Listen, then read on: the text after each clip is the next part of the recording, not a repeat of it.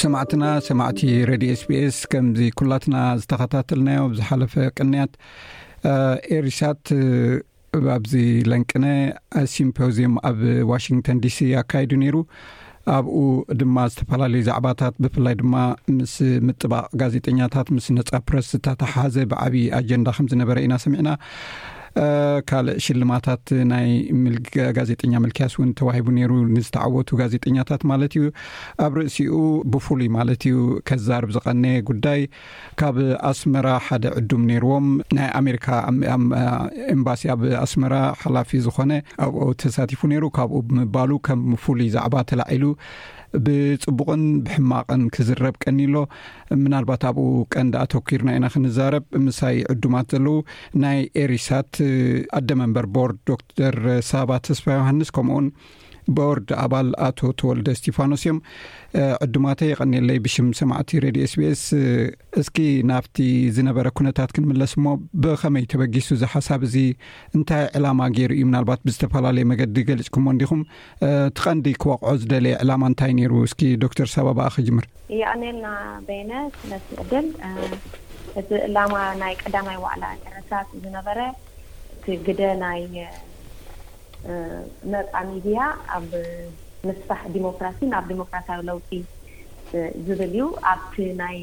ሚድያ ግደ ድማ ኤረሳት ከም ሚድያ ትካል ቀዳመይቲ ፈላመይቲ ናይ ሳተላይት ቴሌቪዥን ኣብ ኤርትራ ዝኣተወት እንታይ እዩ ናታ ግደኸ ኣብዚ ናይ ዲሞክራሲያዊ ለውጢ ወይ ድማ ኣብዚ ናይ ነፃ ሚድያ ዝብል ንኡ ንምዝርራብን ንኡ ሓሳብ ንምብህሃልን ንምቅያርን እዩ ነይሩ። ብኸምኡ ድማ ኢና ኣብዚ ሕጂ በቲ ኣብ ዓድና ዘሎ ናይ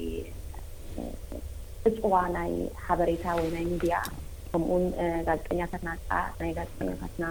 ኣብ ክልተ ሽሕን ሓደን ዝተሰወሩ ንኦምን ኣብ ምዝካርን ከምኡ ውን ድማ ከምቲ ኣቀዲምካ ዝበልካዮ ናይ ተባዕን ናይ ነጻ ጋዜጠኛን ሽልማት ብነፍስሄር ምክያስ ምህረትኣብ ዮሃንስ ሽም ዝተዳሎ ብኤረሳት ዝተወ ጣየሰ ማለት እዩ ንኡ ካኣ ሽልማት ናይ መጀመርታ ንህበሉ ኣጋጣሚ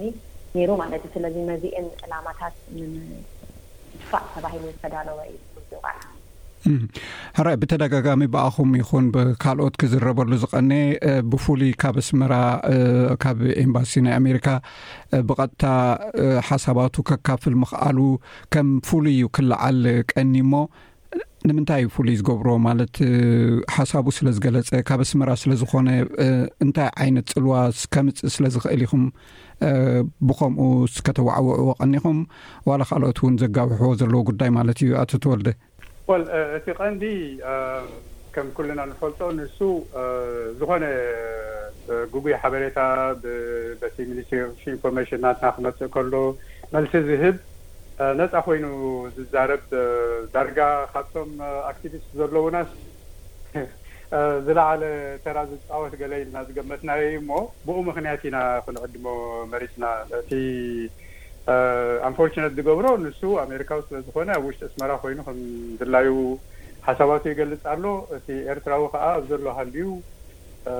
ሓሳባቱ ንኺገልጽ ተዓጽዩ ስለ ዘሎስ ንዕኡ ነቲ ኮንትራዲክሽን እቲ ንምርኣይ እውን ኢና ንዕኡ ብዝያዳ ደሊናዮ። ኦፍ ኮርስ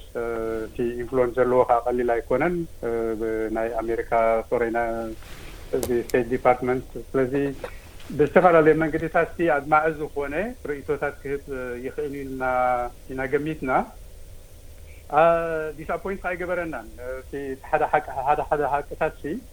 እቲ ለውጢ ክመጽእ እንድሕር ኮይኑስ ብኤርትራውያን እዩ ጥራሕ እዩ ክመጽእ ኢሉ ምዝራቡ ውን ካብቲ ዓቢ ሓቅታት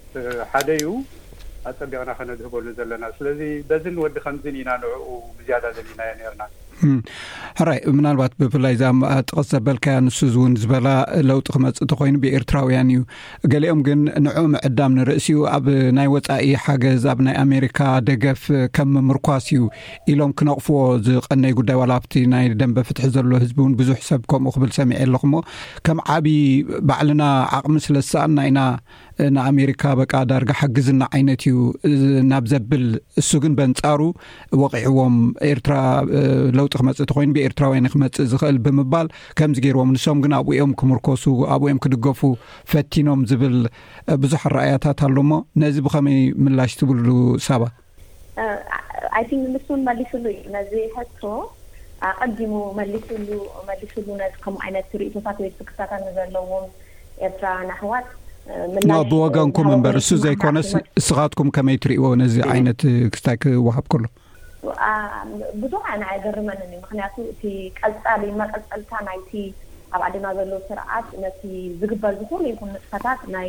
ምድኻም ወይ ድማ ናይ ምጽላም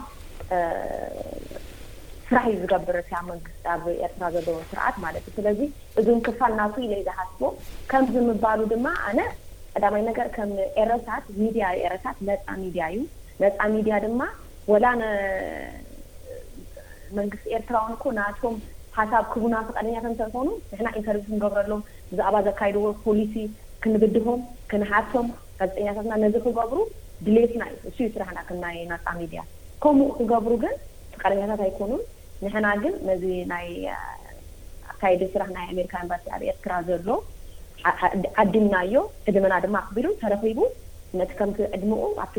ዋዕላና ተሳቲፉ ኣሎ ማለት እዩ ስለዚ እዚ ዋዕላ ምስታፉ ብካልእ ነገር ክትርጎም ዘይግብኦ ተራ ዝኮነ ኖርማል ዝኮነ ኣሰራርሓ ከም ዝኮነ ኢና ኣነ ከብርሆ ዝደሊ። እኒ ዝፍሉይ ነገር ኣይኮነን እወ ማለት ሕራይ ኣብኡ ከለካ ምእንቲ ክትውስኸላ ተወልደ ኣብ ገለገለ ሕቶታት ካብቲ ህዝቢ ድዩ ዝኣከብኩሞ ገእቶም ጋዜ በዓል ሄኖክ ዝቕርበሉ ዝነበሩ ተደጋጋሚ ማለት እዩ ከመይ ክትድግፉ ትኽእል ዶ ዓይነት ምስ ተቃወምቲ ገለገለ ዝብል እሱ ግን ሓፂር መልሲ ለውጢ ብኤርትራውያን ጥራይ ዝመፅእ ኢሉ ክምልሳ ከሎ መሊሱ ድማ እቲ ጋዜጠኛ ዳርጋ ተፀቢዩ ካልእ ተወሳኺ ስለዚ ቁርብ እዚ ናብኡ ከምዚ ናይ ፅግዕተኝነት መንፈስ ዘሕድረ ስምዒት ስለ መሲሉ ስለ ዝተረኣየ እዩ እሞ ምናልባት ምስኡ ወሲኽካ ምስቲ ሳባ ዝበለቶን ክትውስኸሉ ትኽእል ኢኻ ኣቶ ተወልደ እወ እቲ እቲ ሓቂ ንሱ እዩ እ፣ ስለዚ ወላ እቶም እ፣ ስደተኛታት ኮይንኩም ገለ ዝብሉ ዘለዉ ሲ ነቲ ሓቂ እቲ ተቐቢሎም እ፣ እቲ ግብራዊ ነገር እንተንገብር እቲ ዝያዳ ውጽኢታዊ ክኸውን ዝኽእል ሕጂ ንሕና እ፣ ገዛና ስለ ዘይተዓራረና እ፣ እቲ ዘድልየና ተግባራት ክንገብር ስለ ዘይከኣልና ኢና እቲ ለውጢ ከነምጽኦ ዘይከኣልና ዘለና ክሳብ ሕጂ እ፣ ንሕና ገዛና ጸሪና ኔርና እንተ ንኸውን ግን ሸዑኡ ምስ ዝኾነ ክትሰርሕ ትኽእል ኢኻ ን ምስ ኣሜርካ ጥራሕ ዘይኮነስ ወላ ምስ ዝኾነ ምስ ኢሩፕያን ዩኒን ምስ ሱዳን ምስ ትግራይ ምስ ኢትዮጵያ ሕጂ ንሱ ክንገብር ዘይከኣልና ክሳብ ሕጂሲ ስለ ብንጹር እቲ ስራሕና ስለ ዘይሰራሕና እዩ ስለዚ ከምኡ ክብል ከሎሲ ብሓጺሩ እንታይ ዝብለና ንስኹም ጥራሕ ኢኹም ቦኺርኩም ዘለኹም ከም ኤርትራውያን እምበር ኩሉ ካልእሲ ምሳኹም እዩ ዘሎ እዩ ዝብለና ዘሎ። ሕጂ ፓርትነር ስኢንና ፓርትነር ኩኑና ክብለና ከሎ ሲ ንኩልና እዩ ክሕመና ዘለዎ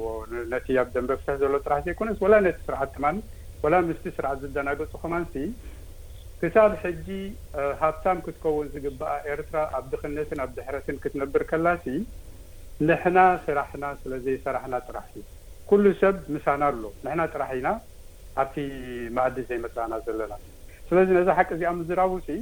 ንኹልና ከተሕምመና ኣለዋ። ኣሕሚማትና ከኣኒ ግብሪ ብግብሪ ከኣኒ ባህርያትና ክንልውጥ ኣለና። መታን ህዝቢ ኤርትራ ራህዋን ሰላምን ቅሳነትን ክመጾሲ ኩልና ገዛና ጽሪና ምስቶም ክተሓጋጉዝና ዝኽእሉ ኦከይ እምበኣር ሕጂ ንሕና ሬዲ ኣለና እንታይ ኢና ክንተሓጋገዝ ንኽእል ኢልና ክንሓቶም። ሕጂ ንሶም እዮም ዝሓቱና ዘለዉ ብግምጥሉ። so እቲ ሓቂ ንሱ ስለ ዝኾነት ወላ እቶም ኮምፕለይን ዝገብሩ ዘለዉ ከማንሲ ነዚ ሓቂ ተቐቢሎም ናብቲ ግብራዊ ነገር ተዝኸዱ ምሓሸ ምበልኩ ኣነስ። ኣራይ እዚ ኣብ ናይ ኤሪሳት ማለት ጉዕዞ ሓደ ማይልስቶን ኣብ ሓደ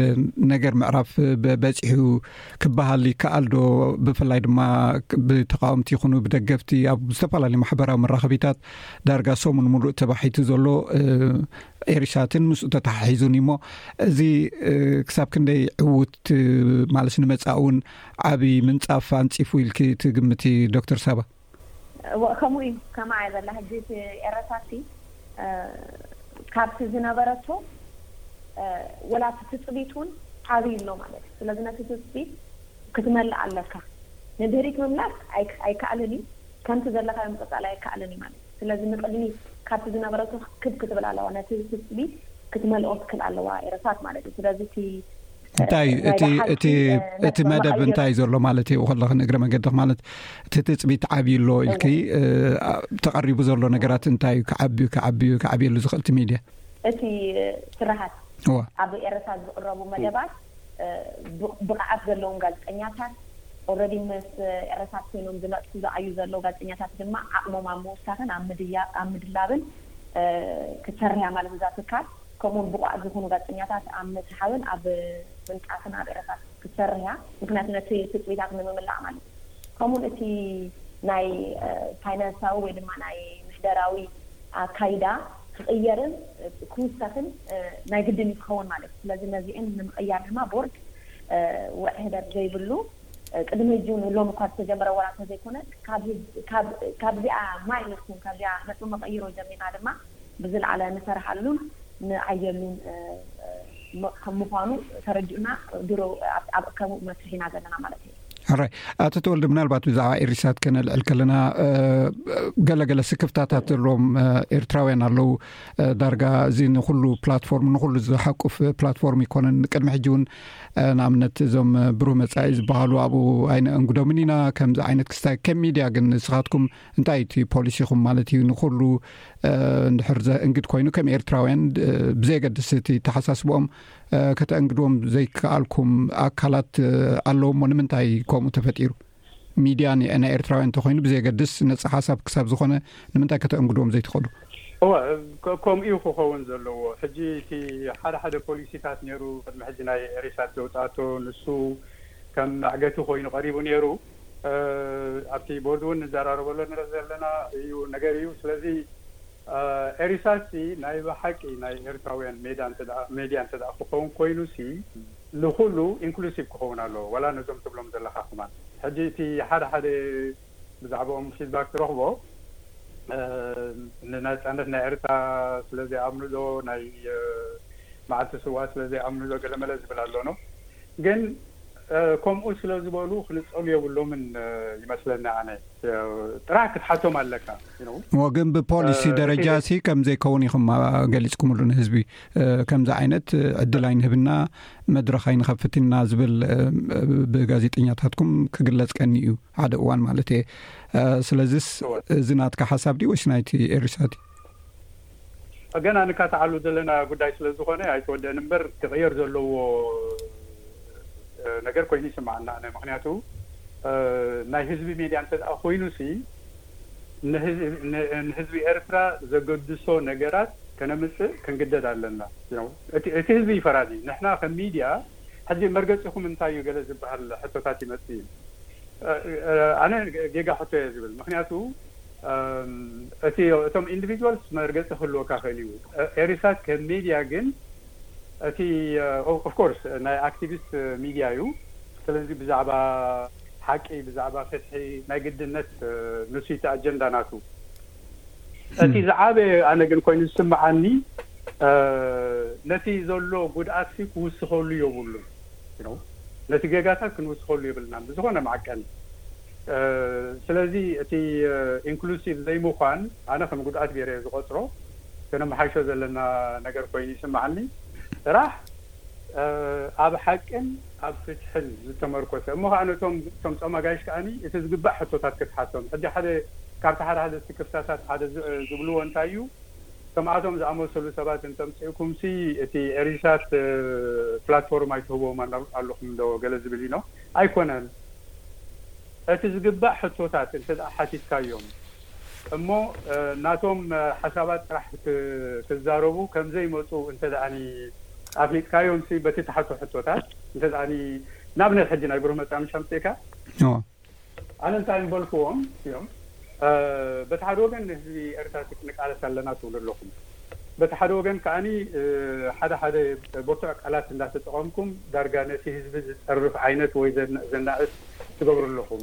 እዚሲ ከመይ ጌሩ እዩ እሞ ናብቲ ንደልዮ ዕላማ ከብጽሓና ኢልካሲ እቲ ብርቱዕ ሕቶታት ክትሓቶም ክትክእል ኣለካ። ደሓር እቲ ህዝቢ ይፍረድ።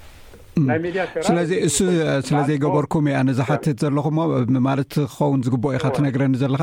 እ ክሳብ ሕጂ ግን ልክዕ ከምኡ ከም ዘይኮነን ብቃልዕ እውን ከምኡ ኢልኩም ምዝራብኩም እ ብዙሕ ስክፍታታት ዘሕደረ ኮይኑ ተሰሚዕኒ ምስኡ ተኣሳሲሩ እውን እ ማለት ናይ ኩሉ ሚድያ ኣብ ናይ ኤርትራ ዝነጥፍ ዘሎ ቁርብዶ ዝኾነ እውን እዚ ምስ ትግራይ ዝተኣሳሰር ዛዕባታት እውን ኣሎ እንድዩ ነዚ ብኸመይ ከም ትሕዝዎ ዶክተር ሳባ ማለት ስክፍታታት ኣሎ ገሊኡ ከምዚ ከይንበሃል ዝበሃል ከም ተባዕ ናይ ሚድያ መድረኽ ምስ ጉዳይ ትግራይ ዝተሓሓዝ ብኸመይ ከም ተተኣናግድዎ ዶክተር ሳባ ኣይ ቲንክ ምናልባሽ እቲ ኣንተ ወይ ኣቀዲም ኣቢልካ ዝሓተትካዮ ሕቶ ናይ ን ተወልደ ውን ክ ቁሩብ ክትንክፋ እየ መጀመርታ ግን በዚ ዝሓተትካኒ ክጅምር እዚ ናይ ኣብ ትግራይ ዝተገብረ ውግእ ን ናይ ሕብረተሰብና ኤርትራውያን ብፍላይ ኣብ ደገ ዘለና ኣጸቢቁ ኣጸቢቁ ዝገማመዐ ዝፈላለየ ከም ዝኾነ እስኻ ውን ኣብ ኣብቲ ናይ ሚድያ ውን ስለ ዘለኻ ትፈልጦን ትርእዮን እንድዩ ኩላና ንዕዘቦ ኤረሳት ይገርመካ ካብ ካብ ዝኮነ ይኩን ሚድያ I don't know ንዓካ ቀዲምናካ ድና ኣይቀደምናካን ኣይፈለጥኩን ግን ቅድሚ ዝኮነ ይኩን ሚድያ እታ ውግእ ዝተጀመረትሉ ማዕልቲ ቃለ መሕትት ምስ ናይ ባይቶ ይኣክል ናይ ኣሜሪካ ሰሪዓ ከሙኡን ሽኣ ምሽኣ ድማ ኣብዚ ናይ ዝኮነ ይኩን ውግእ ንዝኮነ ይኩን ሰብ ዘርብህ ዘክስቦ ነገር ስለ ዘየሎ ውግእ መልሲ ከም ዘይከውን ንሰላም ዝኮነ ይኩን ኣብ ከምዚ ውግእ ዘለውሲ ንሰላም ደው ክብሉ ዝብል መግለጺ ከማን ወጺኡ ነይሩ ማለት እዩ ካብ ሚድያ። ብድህሪኡ ድማ ነቲ ዝተፈላለየ ሓሳባት ኣብ ኤርትራውያን ዘሎ ኣብ ምእንጋድን ኣብ ምትካእን ዓቢ ግንባር ቀደም ግደ ዝተጻወተት ሚድያ እያ ማለት እዩ። ስለዚ ከም ሚድያ መጠን ድማ of course ኣብ ውግእ ኣንጻር ውግእ ንሰላም ደው ከም ዝበለት ብመግለጺ ደረጃ ኣውጺእና ኢና። ከም ሚድያ ድማ ዝተፈላለየ ሓሳባት ተ እንታይ ዝበሃል ተራጻሚ ሓሳባት ድመስላ ድማ እንዳ ኣምጽኣ ኣካቲኣን ኣኣብ ኣእንጊዳን እያ ማለት እዩ። ስለዚ እቲ እቲ ንሰላም ዘለዋ መርገጺ ንጹር ክነሱ ዝተፈላለዩ ሓሳባት ምማት ዝተፈላለዩ ዝመስሉ ወይ ድማ ኣንጻራዊ ዝመስሉ ድማ ኣንጊዳ ኣላ ማለት እዩ። ስለዚ እቲ ናይ ሚድያ ስራ ኣብዚ ናይ ውግእ ናይ ትግራይ ኣይ ቲንክ ግቡእ ስራሓ ቦታ ኣይሂዛ ሰሪሃ እየ ዝብል። ሕጂ ናብ ናይ ኣቐድም ኣቢልካ ዝሓተትካዮ ክምለስ እንተኾይነ ንመጀመርታ ኤረትራ ክትምስረት ከላ እውን፣ እቲ ዕላማ ኣብ ሃገርና ዘሎ ናይ ሚድያ ይኹን ናይ ምሕደራ ስራሕ'ዚ ንኹሉ ዝሓቖፈ ኣይኮነን፣ ኢንክሉሲቭ ስለ ዘይኮነ እኮ ኤረትራ ተመስሪታ። The very reason መበገሲኣ ከማን ንባዕሉ'ሲ እሱ ስለ ዘየሎ እዩ። እወ ግን ስለዚ ኤረትራ ኣብዚኣ እኮ እቲ ደ- ብዝሕቶ ማለትሲ እቲ ዝብሎ ዘለኹ እንዲኺ እትደግሚ እቲ ክ- ክግበር ዝነበሮ ግን በንጻር እቲ እ፣ እቲ ትገብርዎ ዘለኹምሲ በቲ እወ በንጻር እቲ ዝበሃል ዘሎ ሕጂ እየ ዝሰምዕ ዘለኹ ማለት እዩ ክሳብ ሕጂ ዘሎ ግን ማለት ክራይቴርያ ወይ ከዓ ቅድመ ኩነት ኣቐሚጥኩም ኢኹም ተቕርቡ ነርኩም ከም ሚድያ ነፃ ኢና ንድሕር ኢልኩም ሞ ከዓ ኤርትራውያን ክሳብ ዝኾኑ ኪኖ ሓሊፍኩም ውን ኣሜሪካውያን ዓዲምኩም ውን ተተኣናግዱ ኣለኹም ዶ እሱ እየ እቲ ሕቶ ክትምለሰለይ ንምንታይ ሲ ክሳብ ሕጂ ከምኡ ዘይኮነ ብፖሊሲ ደረጃ ሕጂ ናካብ ኣንደይ ክመፅእ ደሊ ኦኬ ሶ ዩ ወር ሴይ ሳምቲንግ ኦኬ ኣይ ዊል ሌት ዩ ጎ ሄድ ሴይ ሳምቲንግ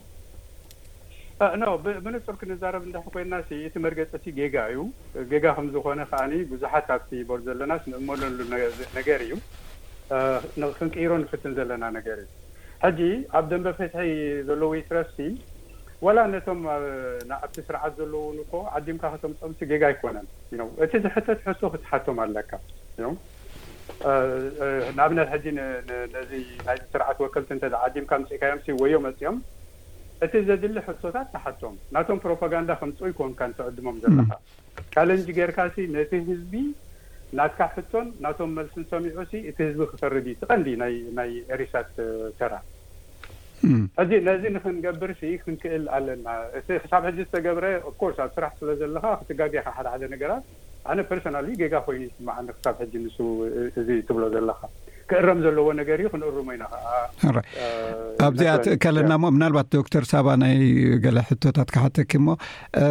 ሕጂ ናይ ፍትሒ ቃልሲ ኣሎ በቲ ሓደ ወገን በቲ ሓደ ወገን ድማ ነፃ ሚድያ ኣሎ በቲ ካልእ ሸነኽ ብንፁር ናይ ኤሪሳት መልክዕ ወይ ገፅ ብኸመይ ኢና ክንገልጾ ንኽእል ንፍትሒ ድያ ከም ናይ ፍትሒ ተቓላሲት ወይ ኣጋር ናይ ተቓላሲት ፍትሒ ድና ክንገልጻ ንኽእል ወይስ ብዘየገድስ ሓሳባት ኣምፂኻ ምትእንጋድ እዩ ስለዚ ኣብዚ ቁርብ ምትሕዋስ ይፍጠር እዩ ብፍላይ ከምዝናተትና ጉዳይ እሞ ኣብዚ እንታይ ትንፁር ነገር ናይ ኤሪሳት ማለት እዩ ከም ሚድያ እወ ሕጂ እቲ ኤረትራ ከም ከም ሚድያ ነጻ ሚድያ ኢላ ኢልና እንዲና ንኣምን ግን እቲ ነጻ ሚድያ ክነሳ ግን ትዘብጠሉ ንፍትሒ እዩ ንፍትሒ ሕጂ ካብቲ ካብ ንፍትሒ ድማ ኣጸቢቑ ዘጉልሆ ድማ እንታይ ኣሎ ሓቂ ነቲ ናይ ጋዜጠኛታት ሞያ ንስኻ ትፈልጦ ኢኻ ንሓቂ ክትቀርቦ ማለት ንሓቂ ኣብ ምቕራብ ወይ ድማ ንሓቂ ኣብ ም ንሓቂ ኣብ ምውጻእ ወይ ድማ ኣብ ምቅላዕ እያ ትሰርህ ማለት እዩ ዝኾነት ሚድያ ማለት ነጻ እንተ ኮይና ሕጂ ንሕና ከም ዝበልናዮ ኣክቲቪስት ኢኻ ነዛ ኢኒሸቲቭ ክትብገስ ከላ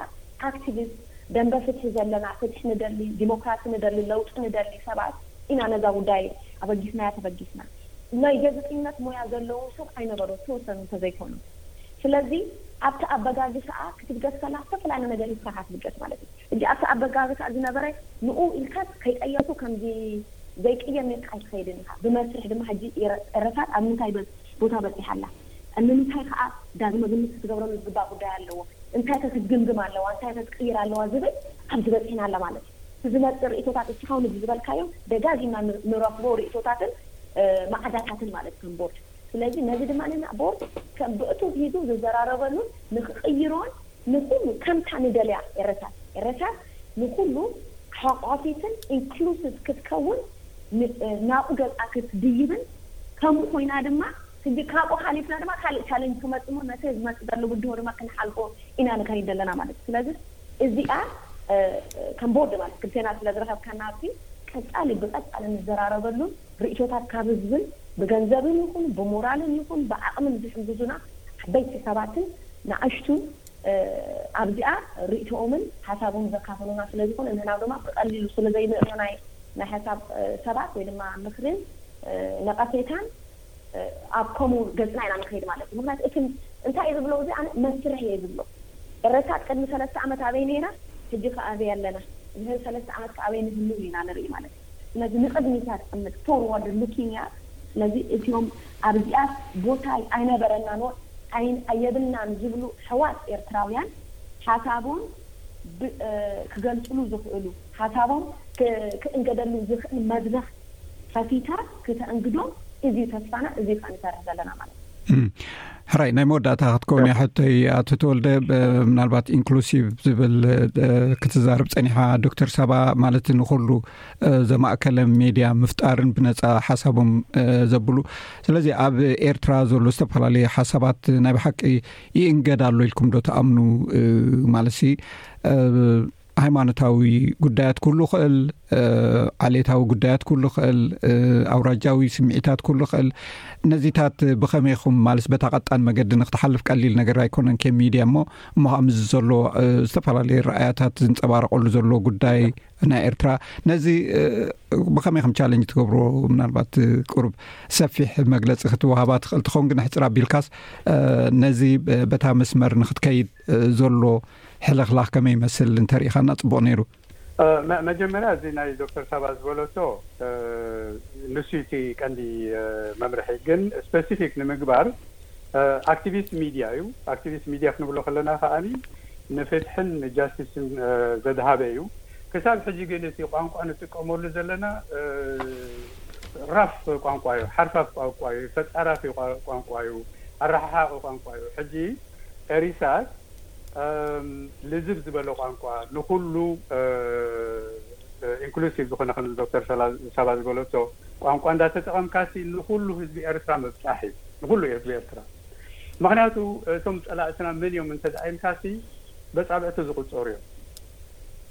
ሕጂ ጸላእትና ዘይኮኑ ከም ጸላእትና ጌርና ንርእዮም ኣለና እቲ ናይ ተቓወምቲን ናይ ደገፍትን ዝብል ቋንቋ ጠፊኡሲ፣ ህዝቢ ኤርትራ ከመይ ገይሩ ኣብ ብሓንሳብ ተሓባቢሩሲ እቲ ንደልዮ ራህዋን ሰላምን ከምጽእ ዝኽእል? ሕጂ ንሱ ንኹሉ እቲ ሕብረተሰብ መታን መልእኽቲ ከተብጽሓሉሲ ልዝብ ዝበለ ቋንቋ ኩሉ ክሰምዖ ዝኽእል ቋንቋ ክኸውን ኣለዎ። ክሳብ ሕጂ ካብቲ ቋንቋታት እቲ ግልል ኢልና ኢና ዘለና። ግን መን እዮም እቶም ተዋሳእቲ እዞም ዝበልካዮም መራሕቲ ሃይማኖት ሕጂ ዓቢ ዓቢ ዓቢ ተራ ኣለዎ ምክንያቱ እቲ ህዝብናሲ ኣማኒ እዩ ኣስላሙ ኩነ ክርስትያኑ ሕጂ እቶም እቶም መራሕቲ ሃይማኖት ክጻወትዎ ዝክእሉ ተራ ኣለዎ ንኣብነት ናይዞም ካቶሊክ ጳጳሳት መልእክቲ ካብቲ ከም ኤግዛምፕል ክረኣ ዝክእል ይመስለኒ። ዳሕራይ ዋላ እቲ ሓደ ሓደ ኣብቲ ደንበ ፍትሒ ጥራሕ ከማን ነንሓድሕዱ ምቁያቃት ኣሎ ንሱ ክተርፍ ኣለዎ እቲ ኣብ ውሽጢ ኤርትራ ዘሎ ህዝቢ ከኣ ክንበጽሖ ክንክእል ኣለና በቲ ዝግባእ ቋንቋን ልዝብ ዝበለ ቋንቋን ንኩሉ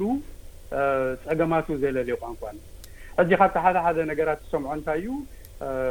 ንተጋደልቲ ተሓምዮም ንህግደፍ ብህግደፍ ብምዃኖም ነቲ ኩሉ ኦርጋናይዜሽን ተብሎ ግን ንሶም ድዮም ጸላእትና? ኣይኮኑን ዝከኣሎም ጌሮም እዮም እቶም ተጋደልቲ ግዳያት እዮም ሕጂ ዘለዉ ከም ከም ሰቦም እቶም ኣብ ህግደፍ ዘለዉ ከኣ በጀካ እቶም ኣብ ላዕሊ ዘለዉ ኣብ ቁሩብ ኣብ ኣጻብዕቲ ዝቁጸሩ ገዲፍካሲ እቲ ስቃይ ኣብ ህዝቢ ኤርትራ ዘሎስ ንሶም ውን እነብርዎ ኣለዉ ሕጂ ብከምኡታት እንድሕሪ ኣቅሪብካዮ እሞ ኩሉ ሰብ ን እቲ ጸገም ይነብሮ ኣሎ ፍትሒ ጥራሕ እዩ ተሪፉ ዘሎ እንድሕሪ ኢልናሲ ናይ መተኣካከቢ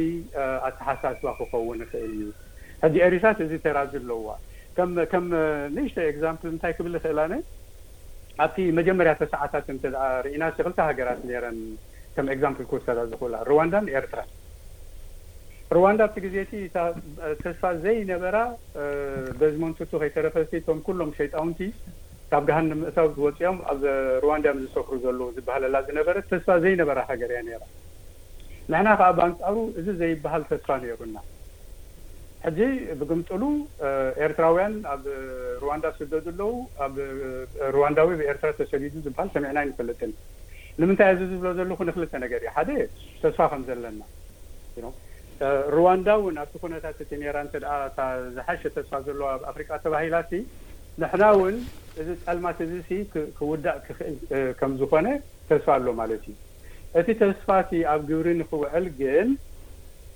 ክልተ ነገር ከግበር ኣለዎ። ከም ህዝቢ ናይ ሓባር ጸገምና ኣለሊና ኣብ ውሽጥና መጀመርያ ሰላምን እቲ ምትሕብባርን ዝበሃል ኣብ ውሽጥና መጀመርያ ከከውን ኣለዎ ድሓር ምስ ካልኦት ድሓር ምስ ካልኦት ኣብ ውሽጥና ሰላም ከይገበርና ኣብ ውሽጥና ምትሕብባር ከይገበርና ምስ ካልኦት ኮንካ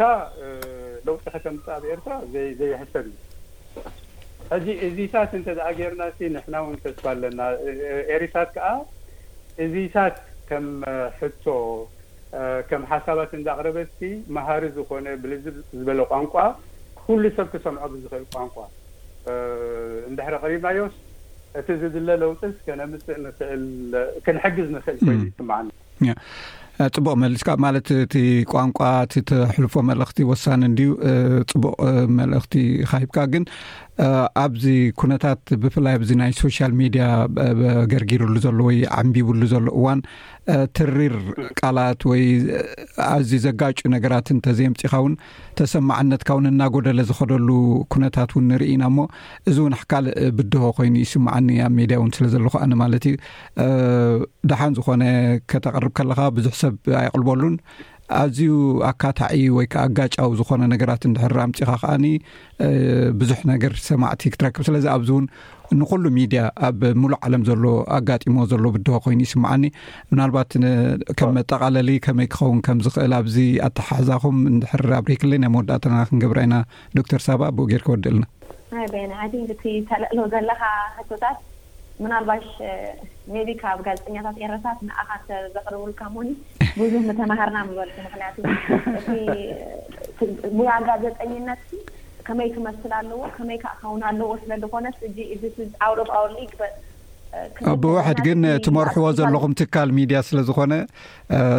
ስኹም ኢኹም ኤንወይ ነቶም ጋዜጠኛታት እውን ንሕና ሕጂ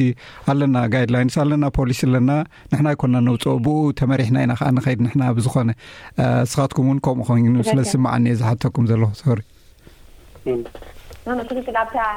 ደቂቃ ሞያ ጋዜጠኝነት እዩ ዝብል ዘለኹ እበር እዎ ከም ፖሊሲ ከም ምህደራ ሓቅኻ እዚ እቲ ናይ ሶሻል ሚድያ ዳስዋ ሕጂ እቲ ብቕዓት ከምቲ ኣንተ ኮይኑ ንዘራረቡ ምፀናሕና ማለት እዩ ቪኦረታት ኣብ ገለ ደረጃ በፂሓ ስለ ዘላ ብኡ መጠን ከኣ ክትዕቢ ክትክእል ኣለዋ፣ እቲ ብቕዓት እውን ክመጽእ ክኽእል ኣለዎ። ስለዚ ብቕዓት ናይ ጋዜጠኝነት፣ ናይ ጋዜጠኛታት፣ ኣካይዳ ናይ ሚድያ፣ ምሕደራውን ወሲኽካ ማለት እዩ፣ ክዕረ ወይ ክጽብቕ ክዓቢ ኣለዎ ማለት እዩ። ስለዚ እቲ ኣብ ሶሻል ሚድያ ዝመጽእ እዚ ኢንፍላመተሪ ዝኾነ ላንጉጅ ወይ ቋንቋታት ካብኡ ዝወጸ እሞኒ ናብቲ ዝርርብ ናብቲ ምብህሃል ገጹ ከድህብ፣ ቀጻሊ ማለት ብ ብመደብ ብመትከል ኣብኡ ክትጸንሕ ክትከድ ኣለካ ማለት እዩ ናብቲ ጫውጫው ዘይኮነስ ናብቲ ዝሰራዕካዮ ኣጀንዳ ናይቲ ናይ ምዝ ምብሓልን ምዝርራብን ሓድነትን ፖሊሲ ዝጠቅም ዘርብሕ እቲ ንዓና ከም ሕብረተሰብ እንታይ እዩ ብድሁና ዘሎ እንታይ እዩ ጸገምና ዘሎ ብኸመይ ከ ንፈትሆ ዝብል ኣብ ከምኡ ዘተኮረ ብዛዕባታት እያ እታ ሚድያ ክትሰርኦ ዘለዋ እሞ ናብኡ ገጻ ትወስዶ ስለዚ ናብ ከምኡ ክትመፅእ ድማ ብቕዓት ናይ ገንፂልነት የድሊ ማለት እዩ። ብቕዓት ናይታ ትካል ድማ ይውስኖ ማለት እዩ። ስለዚ ኣብ ከማይ ኢና ክንሰርሕ ዓቢ ብድሆ እዩ። በዚ ኣጋጣሚ ድማ ብሞያ ጋዜጠኝነት እቲኦም ቀዲምኩም ዝኸድኩ ኤረሳት ቆልዓ እያ ወዲ ወይ ጓል ሰለስተ ዓመት እያ ዘላ ማለት እዩ።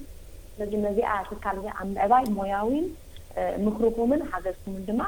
ንኩልኩም ማለት እዩ ኣብ ዝተፈላለዩ ሚድያታት ትሰርሁ ኤርትራውያን ኣሕዋት ብክብሪ ክሓትት ይደሊ ማለት እዩ ምክንያቱ ኣብ ኤረትራ ዘለዉ ጋዜጠኛታት መንእሰያት ብጣዕሚ ውፉያት ድሉዋት እዮም ናይ ተመክሮ ጉድለት ክህልው ይክእል እዩ ግን ክመሃሩን ክዓብዩን ድሌት ኣለዎም ስለዚ ኣብዚኣ ድማ በዚኣ ጻውኢተይ ከቅርብ ይደሊ ማለት እዩ ነቶም ፕሮፈሽናልስ ኣብዚኣ ሚድያ ስራሕ ዘለዉ።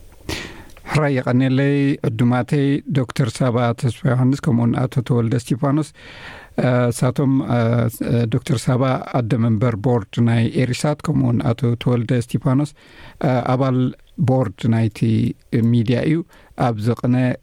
ከተዛርብ ስለ ዝቐነት እታ ሚድያ ብፍላይ ብዘዳለወቶ ናይ ሲምፖዝም ምስ ተተሓሒዙ እውን ሓደ ዕዱም ካብ ኣስመራ ብቐጥታ ስለ ዘቕረበት ኣብዚ ማሕበራዊ መራኸቢታት እውን ኣዝዩ ኣዛራቢ ብምዃኑ ብኡ ምክንያት ኢና ብነግረ መገድና ድማ ብዛዕባ እታ ሚድያ ቁርብ ኣፍልጦና ንምዕባይ ገለ ሕቶታት ክሓቶም ፀኒሐ ይቀኒየለይ ንኩላትኩም ሰላም ምሸት የቀኒየልና በየነ ስቢኤስ ትግርኛ ኣብ ሬድዮ ኣብ ኦንላይን